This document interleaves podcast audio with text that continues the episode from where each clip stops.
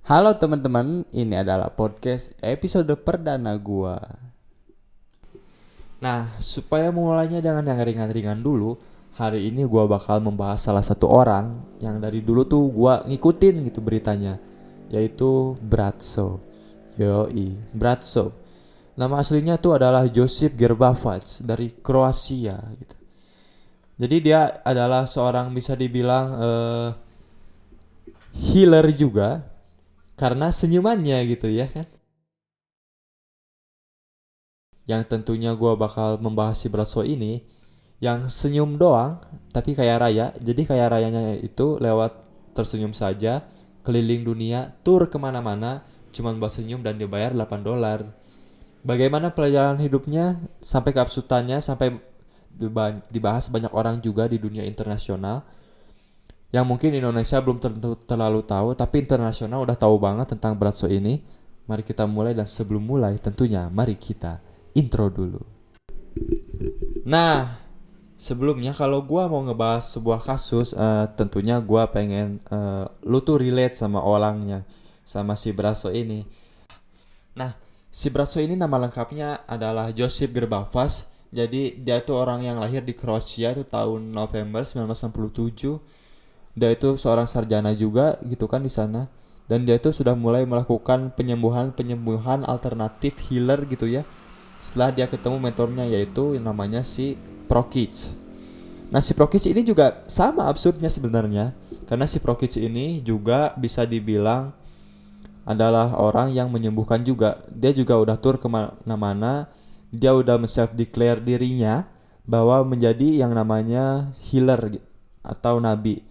Yang namanya healer dan prophet lah kalau dikenal di luar negeri gitu namanya ya.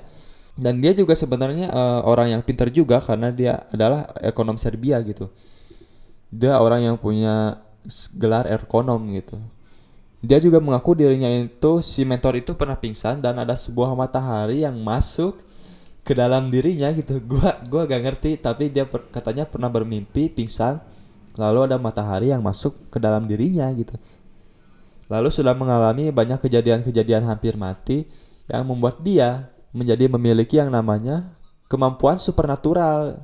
Bahkan dia menyatakan bahwa dia pernah men- ngetes dirinya pada uji bioenergetic clinic yang menyatakan dia itu punya kekuatan supernatural.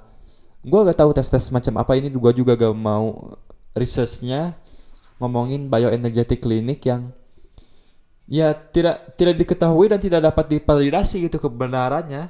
Bioenergetic clinic itu di mana? Gak tahu gitu kan. Nah sampai akhirnya gua bercerita tentang mentornya. Mentornya tuh gak ada apa-apanya. Sa- sama si Bratso Bra- Bratso itu the best of the best menurut gua.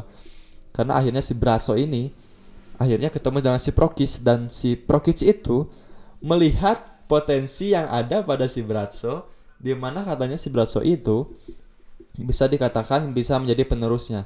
Dia melihat potensi besar dan dia berdua ini ketemu di sebuah eventnya si eh, Prokis juga di tahun 1990-an. Tahun 19 1990-an, Prokis mencium ada hawa-hawa kecerdasan dan potensi dalam si dirinya si Bratso. Akhirnya si Prokis itu menawarkan dirinya untuk menjadi mentor si Bratso. Dan Bratso itu langsung cabut keluar gitu ya. Dari cabut dari pekerjaannya langsung yang namanya mendedikasikan dirinya untuk belajar sama si Prokic.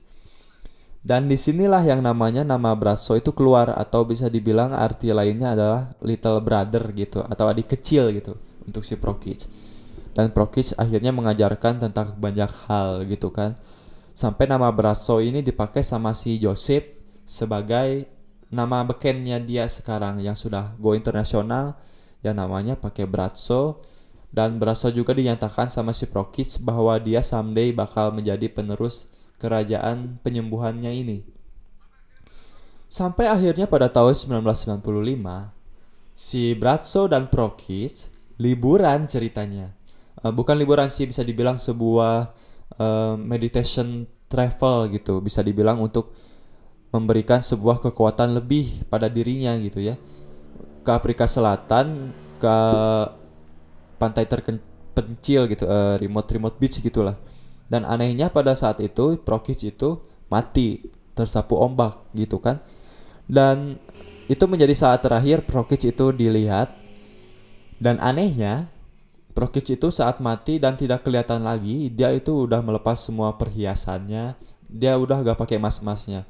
Kalau lu lihat di beberapa cuplikan si Prokic, uh, dia tuh selalu pakai emas uh, segala macem dan tentunya lu ke mana-mana bawa dompet dong ya. Dan ini semua dompetnya ditinggal.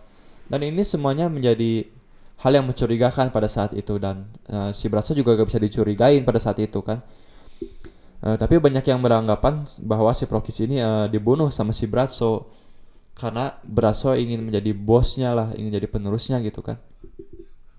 Dan akhirnya Brasso majulah untuk menggantikan si Prokis dalam banyak event-event dan orang tuh ngelihat atau bisa dibilang penerus-penerus dari ministrinya si Prokis ini melihat bahwa Brasso itu senyuman Brasso itu memuat cinta dan dari Prokis gitu. Absurd, yes absurd, tapi ini menjadi kasus, men. Ini benar-benar menjadi fenomena di dunia sekarang, men. Sampai sekarang lo bayangin dah, sampai sekarang keliling dunia gara-gara senyum. Tapi kita lanjut lagi ya. Si Braso ini lebih low profile menurut gua. Secara bisnis, secara strategi dia jauh lebih aman. Ini ini kalau ngomongin analisa gue ya. Dia jauh lebih aman, lebih safe karena dia gak ngedeclare dirinya itu as a healer gitu. Cuman dia meyakinkan dirinya bahwa ya dirinya bisa uh, menyembuhkan lewat senyuman. Cuman yang menyampaikan dia bisa menyembuhkan lewat senyuman itu juga bukan dia, tapi adalah anak-anak buahnya dari tim PR-nya. Jadi bisa dibilang kayak power of, of testimony lah. Jadi lu kalau ke tur-turnya dia juga gak pernah bilang kalau lu tuh pernah bilang sembuh atau tidak ya dia juga gak bisa ngasih tahu kalau dia bisa menyembuhkan atau tidak ya gak ada gitu klaimnya itu di tur-turnya. Tapi dia itu bisa dibilang cerdas sekali memanfaatkan PR dan testimoninya. Bahwa saat di tour tidak ada klaim tersebut, tapi PR-nya bakal ngasih ke lu testimoni-testimoni yang menyatakan bahwa dia pernah disembuhkan gitu. Jadi ini menjadi power of testimony ke orang-orang yang datang ke turnya untuk bisa yakin dan bayar untuk bisa melihat si Bratso ini tersenyum gitu kan. Dan lebih gilanya lagi menurut gua ada satu hal yang menyatakan bahwa memang secara mendasar senyuman Brasso ini bisa menyembuhkan yang namanya depresi dan keresahan. Bahkan ada testimoni-testimoni yang menyatakan bahwa dia pernah sembuh dari kanker eh, kanker pencernaan lah, kanker segala macem karena senyumannya Bratso. Jadi mekanisme eventnya Bratso ini kalau lu mau tahu, Bratso itu tiba-tiba datang gitu ya, tanpa ada warming up lah sedikit ada warming up sedikit lalu Bradshaw datang berdiri di mimbar senyum gak ngomong apa-apa selama 8 menit lalu cabut gitu anjing. Nah lu liatin 8 menit orang senyum terus lu bisa sembuh gitu kata mereka mereka ini. Karena saking ke senyuman dari si Bradshaw ini dikatakan sa sangat kuat ibu-ibu hamil tuh gak boleh datang gitu berbahaya gitu katanya. Jadi ya lucu banget sih menurut gua.